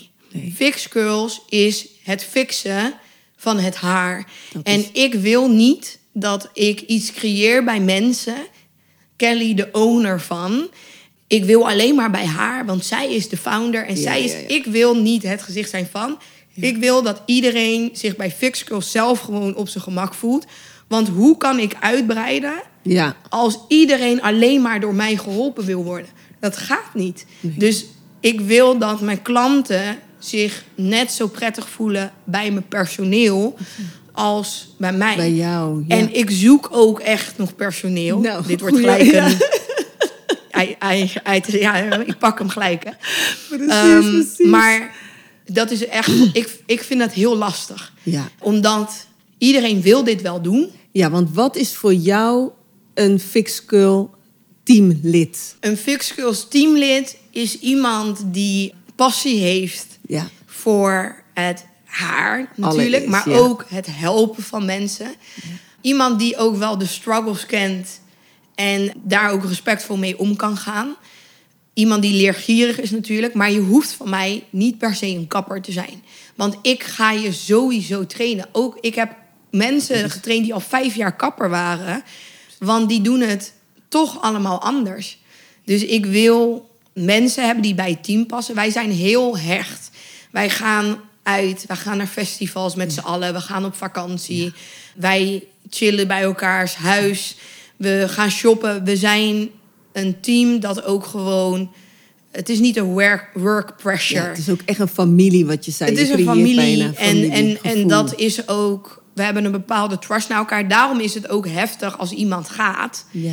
Maar uiteindelijk is dat dan niet de persoon voor mij geweest die ik eigenlijk zocht. En dat merk je dan achteraf. Maar ik zoek wel gewoon ook mensen die, die gewoon wel, wel lekker pittig zijn, maar wel gewoon echt ja, eigenlijk iets willen doen voor de black community. Ja. Eh, want dat is ook wat we doen. Het is ook gelijk een ja, goed doel, zeg maar. Want Precies, je want doet je het hebt- voor iets. Ja, want je hebt ook een soort van extended mission hierin. Want hoe ga je hier om met je, ja, laat ik zeggen, co-collega's van andere black hair salons die hier nog niet mee bezig zijn? Is dat iets waar je, is dat iets waar wat speelt? Wat heel jammer is, de kapperindustrie Ja, is niet altijd even, even eh, leuk. Er is heel veel concurrentie, strijd. ja, terwijl ik bedoel, volgens mij is er genoeg Ja. vraag. Eh, heel veel mensen hebben ook wel een bepaald beeld van mij dat ik echt, eh, ik weet niet, dat ik dat niet leuk ben of zo. Ik weet niet wat het is, maar die kennen mij dan niet. En dan denk ik, ja, het is wat het is. Maar ehm, Maar wat zou jij willen? Wat, wat is jouw ideaal? Ik denk dat, we uiteindelijk allemaal hetzelfde willen. En dat is de, eh, hè, laten zien dat wij er ook mogen zijn. Het feit dat er niet eens een opleiding is voor dit haar, betekent dat we echt nog wel achter worden gesteld. Dus uiteindelijk is juist die goal om te laten zien van hier zijn wij. Wij doen, ons, we doen het op onze eigen manier. En ik denk, samen sta je sterk. En dat is iets wat ik altijd heb gezegd, wat ik al net zei. Ja. Ik ben geen octopus met 30 armen. Ik heb twee handen. Ik heb mijn brain en ik heb mijn passie en ik heb mijn wilskracht. En ik heb een sterk team nodig Ja. om verder te kunnen. Want ik, ik ga sowieso daar komen. Ja. Maakt mij niet uit. Ja. Wat men, als mensen weggaan, kwetsen, maakt me allemaal niet uit. Nee. Ik, heb, ik ga niet stoppen. Nee. Dus dat is Je sowieso hebt je mijn goal. visier aan de horizon Maar ik denk wel dat het makkelijker kan als je krachten bundelt. Ja. En samen sta je sterk. En dat geloof ik wel. En dat is iets wat denk ik heel veel mensen toch ook nog heel spannend vinden. Mhm. Ehm, maar ik merk ook in de businesswereld vinden mensen het sowieso altijd nog best wel spannend. Van wat is daarvoor nodig? Moet je geld lenen? Moet je investeerders zoeken? Moet ik, weet je wel? Ja. Dat, dat is, merk je ook nog wel dat dat ook nog wel een beetje speelt. Maar ik vind wel dat als we op events zijn of wat dan ook, vind ik het soms wel jammer dat er soms echt wel lelijk wordt gedaan. Wij worden ook niet voor altijd alles uitgenodigd, helaas. Waarom? Dat, dat is voor mij ook eigenlijk een vraagteken. Want ja, dat, als je het niet hoort van die persoon zelf, dan weet ik het ook niet. Weet je, Nee, mensen kunnen nee. dingen zeggen, maar ik Ja. ben altijd heel neutraal daarin. Ja. Van wanneer ik het niet hoor, ja, dan, dan, dan is het neutraal voor mij. Dan ga ik ook verder niet eh, moeite voor doen. Maar Maar stel dat bijvoorbeeld een andere black owner van een eh, black hair salon zou willen dat jij haar opleidt. Want eh, vele van ze, ik weet niet hoe het nu is, hè, want ik ga al heel lang niet meer naar een, naar een black hair salon. De laatste vier jaar gewoon zelf een beetje zitten struggelen thuis, tot ik jullie nu leren kennen. En nu echt mijn eigen haarroutine heb. Dus ik ben, ja, ik heb nog nooit, en dan kan ik zeggen, ik heb nog nooit mijn krul zo gezien. Ja. onder de douche. Ja. Weet je wel? Toen wist En ik dat is het oké, leuk wat jij krul. zegt. Want heel veel mensen die eh, zien foto's bij ons, of video's, en vragen alsnog: doen jullie ook type 4? Ja. Want zij snappen niet Ja. dat de video's en Ja. foto's hun haar is. Dat dat type 4 is. Ja. Want zij hebben hun haar nooit gehydrateerd gezien. Nee. Dus dat is voor ons soms ook lastig. Want dan zeggen ja, alleen maar, dat is wat ja, wij doen. dat is wat jullie juist doen. Maar dat moeten ze zelf ook even ervaren. Ja. Maar ehm, ja, ik ben zelf niet heel erg fan van andere kappers opleiden. Opleiden. Omdat ik merk dat ik train mijn meiden maanden. Ja, Maanden. Ja. Niet, het is niet een cursusje wat ik doe. Want je hebt zoveel verschillende mensen in je stoel. Ja. Kinderen blijven niet stilzitten. Ik geloof ook niet in een cursus van een maand. Nee, nee. Ik geloof niet dat jij dan een goede krullenkapper kan worden. Ik geloof wel dat je er passie voor hebt en dat je snel kan leren. Maar krullenkappers zijn is meer dan alleen maar het haar mooi kunnen knippen. Mhm. Want wat ga je doen als iemand een keer echt ja. iets heftigs heeft. Of bijvoorbeeld een bepaalde brandwond die ze willen bedekken met een knipbeurt. Of, dus het gaat veel verder dan dat. Ja. Maar ik wil wel sowieso heel graag, eh, eh, ben wel mee bezig om meer mensen te kunnen helpen. En ik denk dat ik het snelst mensen kan helpen door ook een eigen haarlijn op te zetten voor type 4. Want ik, Nee. want wat er is, Ja, en, ja, weet en je. Vanuit je haarlijn ga je natuurlijk Dan de zouden andere, eigenaar precies, dan opleiden. zouden andere kappers Met- eh, de juiste producten ook kunnen gebruiken. Exact. En daardoor deel je ook al je ervaring. Maar, want nu ook, dan krijg ik wel eens een vraag uit Kaapstad. Of ja, eh, kan je hier een salon openen? En dan denk ik, ja, dat, dat ooit misschien. Ja. maar niet like that. Dus hoe kan ik die mensen ook helpen in het Precies. buitenland... zonder dat ik gelijk overal kappers moet opleiden en alles... door alleen al gewoon de juiste haarroutine te hebben... en niet Ja. allemaal dingen te moeten mixen of wat dan ook... maar gewoon één ding. Dat is sowieso een goal wat ik al heel lang heb. Oké. Ehm, maar het opleiden van kappers, het probleem is, het duurt heel lang.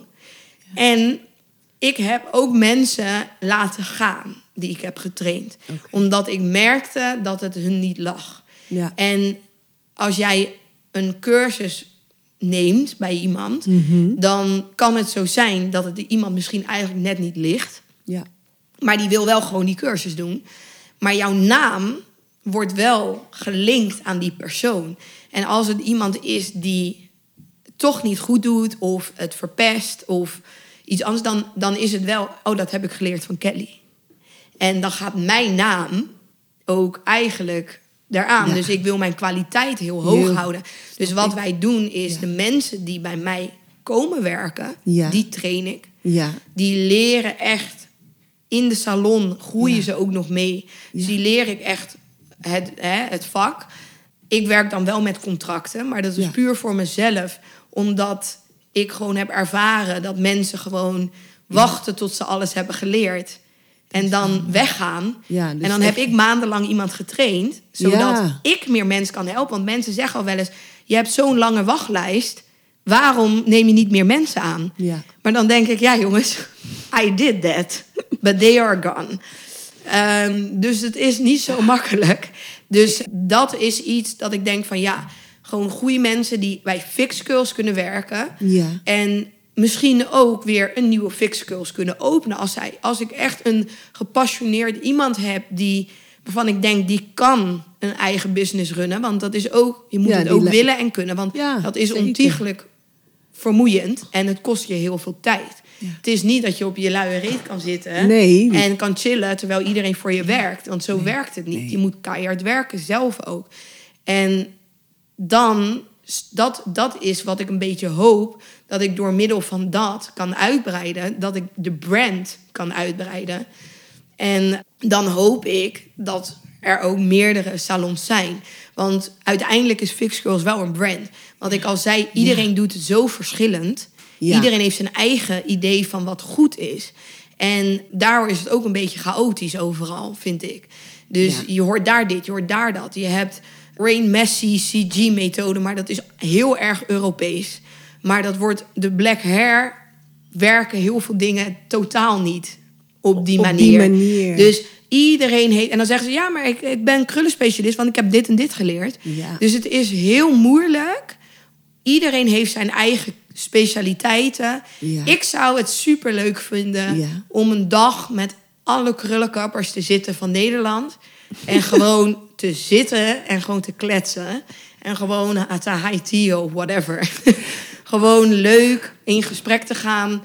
Dat lijkt mij heel interessant, want zij hebben een bepaalde passie die ik ook heb. Ja. En dat is het haar doen.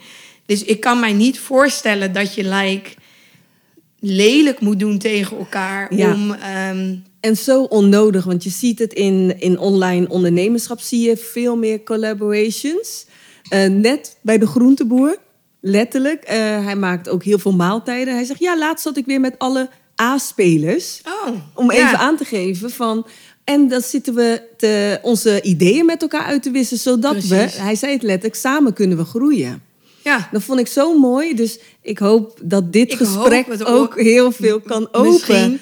Gooien, want dat ehm, is ook de manier ik waarop denk dat het mensen het soms ook gewoon net verkeerd begrijpen wat Ja. ik nou doe. Ja, En ik pak geen klanten af. Ik, ik weet je van, mensen komen zelf. ja, En mensen praten met elkaar en Ja. zeggen: Ik wil, oh, je moet daar eens een keer heen, je moet daar eens een keer heen.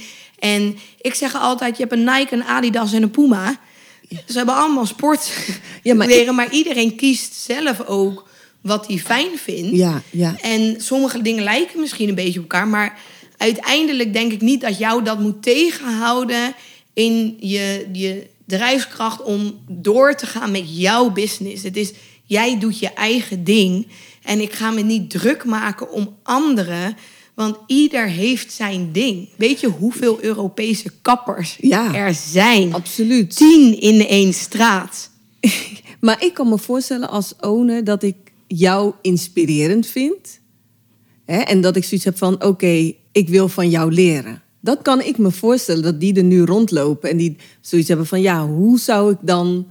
Hoe zouden we dat dan kunnen doen? Ja. Heb je daar, heb je daar al zo'n ervaring mee gehad dat mensen naar je Ik toe heb komen? op events ehm, heb ik gehad dat de kappers naar me toe kwamen. Ehm, die dan, eh, ik heb een heel leuke kapper uit België. Ja, Dat was op de Pretty Curly Girl event. Eh, zij had een, eh, ze opende haar shop.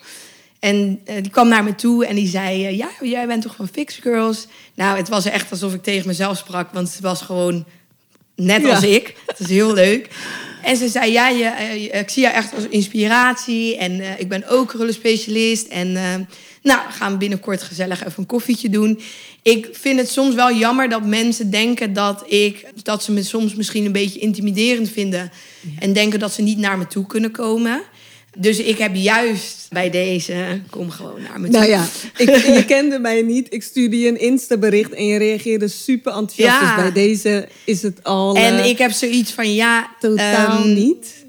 Ik, ik vind het alleen maar leuk, want Ja. Ik heb dit, ben dit ook begonnen uit- vanuit een passie. Ja. En ehm, nog een kapper uit Utrecht. Een dame die, eh, die heeft een vrouwensalon. Ja. Superleuke dame. Ja. En ook gewoon leuk. En ja, ehm, je bent echt goed bezig en eh, echt inspirerend. En dan denk ik van... They are not all like that. Nee, en dat, ik vind dat niet. alleen maar leuk. En eh, ik, heb, ik hoop dat ik ook meer mensen kan inspireren. En dat we misschien inderdaad juist iets met elkaar kunnen betekenen. Maar ik weet niet zo goed wat jij van mij vroeg. Omdat Ja. ik dat nog niet echt zo Heb- ervaren, ervaren heb. ja. Wat ik daarmee zou doen. Ik denk dat dat meer is van... Als dat zou gebeuren, dat ik dan op dat moment ga kijken van... Oké, interessant. Van Ja, wat kunnen we ermee? Maar ik heb nog niet daarover Nooit. nagedacht. Want ik heb nog niet ervaren dat dat is gebeurd. Terwijl ik echt, maar dat is gewoon puur nu wat er in mij opkomt van... als ik een black owner van een, hè, van een black hair salon zou zijn... en wellicht is het misschien een stukje trots geweest... misschien is het een stukje angst... maar ik zie ook wel van, ik wil die kant op. En ik weet gewoon niet hoe ik mijn mensen hierin kan helpen. In online ondernemerschap zie je dat bijvoorbeeld één iemand die al bijvoorbeeld verder was, het voortouw heeft, andere online ondernemers op het gebied van coaching dan is gaan helpen. Dus hij is, je ziet dat vooral bij Eelco de Boer, die heeft bijna alle grote business coaches zijn bij hem in Ja. de leer geweest. Ja. En hij staat nog steeds, eh, hè, hij is inmiddels internationaal. Maar dat is ook ontstaan doordat hij een soort van het recept had. Precies, ja. En, en, en ze zagen dat hij daarin succes had. En hij is het uiteindelijk ook een soort van programma gaan ontwikkelen voor hen. Ja. Want ik kan me zo voorstellen dat hun een soort van zwemmen van... oké, maar hoe moet ik dat dan doen? Want Ja. ik kan ze niet bedienen. Ja. En ik zou het wel willen, maar dan leer ik het... Ja, dan heb ik toch het idee van... dan is het toch fijner dat ze naar jou dan toe komen... om het te leren en op die manier die samenwerking aan te gaan. Ja, ja ik, eh, ik denk ook van, omdat er nog heel veel, ik weet niet precies wat het is, maar er is een soort van Ideeën. niet altijd even fijne sfeer Ja. in de die- krullenbusiness. En wat ja. dat is, ik weet het ook niet precies. Ehm, van, om, ik denk omdat er niet veel zijn, Ja. dat mensen heel erg zoiets hebben. Nog Dit is in- mijn ding. Ja, dit is te mijn veel ding. nog in concurrentie denken. Te veel. Ja. En ja. ik denk, iedereen heeft zijn eigen eh, manier van. Ja. Je kan allemaal hetzelfde gerecht koken, maar bij iedereen proeft het toch net anders. Dus ik, ik, ik vind niet dat je concurreert als je allemaal je eigen ding doet. En wat het beste is, of wat het. Dat kan je eigenlijk niet echt zeggen, want dat is puur wat ervaart de klant bij jou. En dat is waar je je op moet focussen. En niet wat heeft een andere kapper dat ik niet heb. Of wat heeft. Zo, ik vind dat. Dat daarvoor, dan ben je niet een goede businessvrouw of man. Ja, Want dan is het gewoon van, ik ben te veel bezig met anderen. En als ik je wat meer focust op je eigen business, kan je misschien veel meer bereiken. Ehm, dus ik heb wel altijd zoiets van, ja, voor mij, mijn eh, goal is wel gewoon echt een goede, ja, black-owned eh, haarlijn voor type 4. Waar je echt veel mensen mee kan helpen. Dat is wel iets waar ik me echt op ga focussen. En het liefst ja, ook gewoon fix curls uitbreiden natuurlijk. Eh, meerdere fix curls salons. En wat jij zegt, als er misschien mensen zijn die denken van ja, interessant, ik wil ook wel een fix curls salon. Of ik heb een salon, maar dat loopt niet echt. Of ik wil toch misschien daar wat mee verdiepen van. Ik heb geen idee wat, wat zou kunnen. En vergeet ook niet, alles kost ook tijd. Mensen vergeten dat ik ook gewoon daar vijf dagen per week sta. Ik heb de afgelopen twee maanden daar gewoon van maandag tot vrijdag gestaan. Van 9 tot 5. Want ik vind het werk ook heel leuk. Ja, dus ik hoef dat- daar niet te staan. Nee. Maar ik vind het echt leuk. Ja. En als ik dan klanten zie die al bij mij thuis kwamen, die dan nu gewoon opeens tiener zijn. En ja, dat is, daarvoor doe ik het ook. Van, dat is zo leuk. Of dan opeens is die zwanger. En dan, I love that. Uiteindelijk weet ik ook, als ik dit verder wil ontwikkelen, kan ik niet meer 24-7 in de salon zijn. Nee. Want dan moet je buiten de salon om heel veel doen. Dus ik wil daarin ook wel echt groeien. Ja. Maar ik zeg altijd: succes bereik je uiteindelijk ook wel gewoon met een sterk team. En dat is wel iets wat, wat ik ook gewoon altijd in mijn achterhoofd heb: van ja, eh, je doet het uiteindelijk gewoon samen. Ja. En eh, zonder mijn partner eh, had ik ook niet zo succesvol geweest. Want die heeft alles buiten fixcurls om ook geregeld voor mij. En ja, dat is ook belangrijk. Het is niet alleen maar, ik kan, mijn haar, ik kan haar goed doen. Ja. Dus je wordt succesvol en je kan verandering brengen in een community.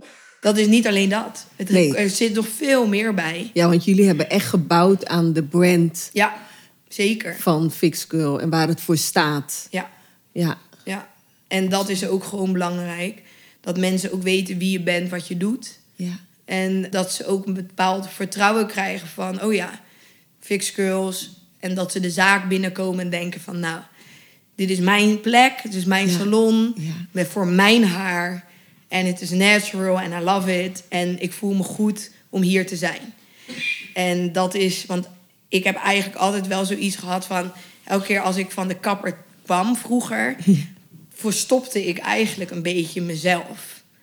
Dus, en de, ergens voelt dat ook niet altijd goed. Nee. Dus dat, dat is wel dat mensen gewoon trots kunnen zeggen... ik ga naar de kapper. Dat is voor mij eh, ook wel iets wat ik daarmee wilde bereiken. Nou, en dat dat- is ook leuk. Nou, en dat kan ik wel zeggen als bezoeker dat je dat meer dan Thank you. gelukt is. Thank you. Absoluut, absoluut. Nou, wij zouden echt nog. We gaan ook waarschijnlijk nog wel een vervolg hieraan. Ja. eh, want ja, als ik ook zo hoor waar je mee bezig bent en je visie. dan eh, wordt het zeker interessant om een tweede gesprek eh, te voeren. En dan misschien meer de, echt nog meer de zakelijke kant gaan eh, uitdiepen. Ja, ja. Wil je nog een laatste boodschap aan de luisteraars meegeven? Sowieso, laatste boodschap ehm, is: wees niet bang om je passie te ontwikkelen. Wauw. En je hoeft niet gelijk een visie te hebben dat iets een succes gaat worden. Want als je iets doet vanuit passie, dan is dat niet je goal. Dus uiteindelijk, van, ik denk dat er heel veel mensen zijn, en ik ervaar het ook bij mijn klanten, die zoveel zouden kunnen bereiken met zichzelf. En die hebben zo een positieve energie en, en die zijn zo sterk en die, die zitten vol met, ja, van, je, je merkt gewoon dat ze stralen. Maar laat niet jezelf kennen en laat niet anderen. Want dat is bij mij wel veel gebeurd. En mensen verklaarden me echt voor gek dat ik dit ging doen. Omdat er heel veel andere dingen waren die ik ook kon doen. En laat je daardoor niet klein maken. Of als iemand je kwetst.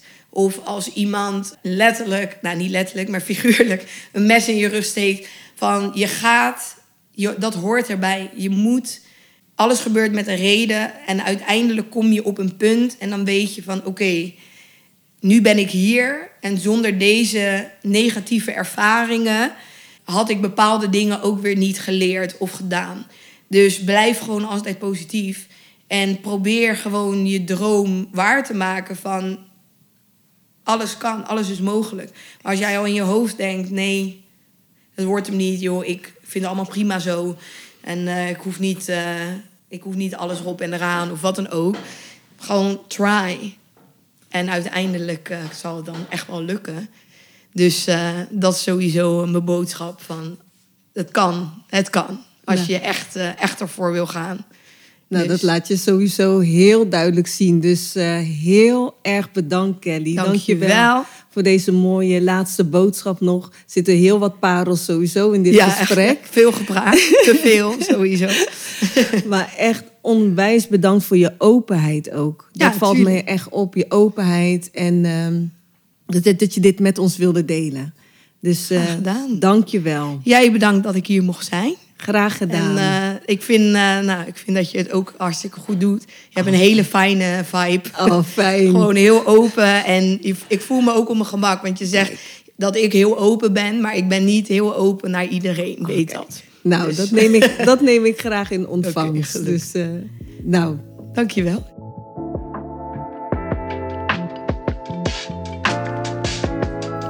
Waar voel jij je na deze aflevering toe uitgenodigd? En hoe zou jij nog meer expressie kunnen geven aan jezelf? Deel dit met mij via mijn social media kanalen of in een persoonlijk bericht aan cheryl.cherylstuurland.nl. Door op de volgknop te drukken ben je altijd op de hoogte wanneer er een nieuwe aflevering voor jou klaarstaat. Dus vergeet dat niet te doen. En dan zeg ik voor nu, dankjewel Purpose People voor het luisteren en till next time.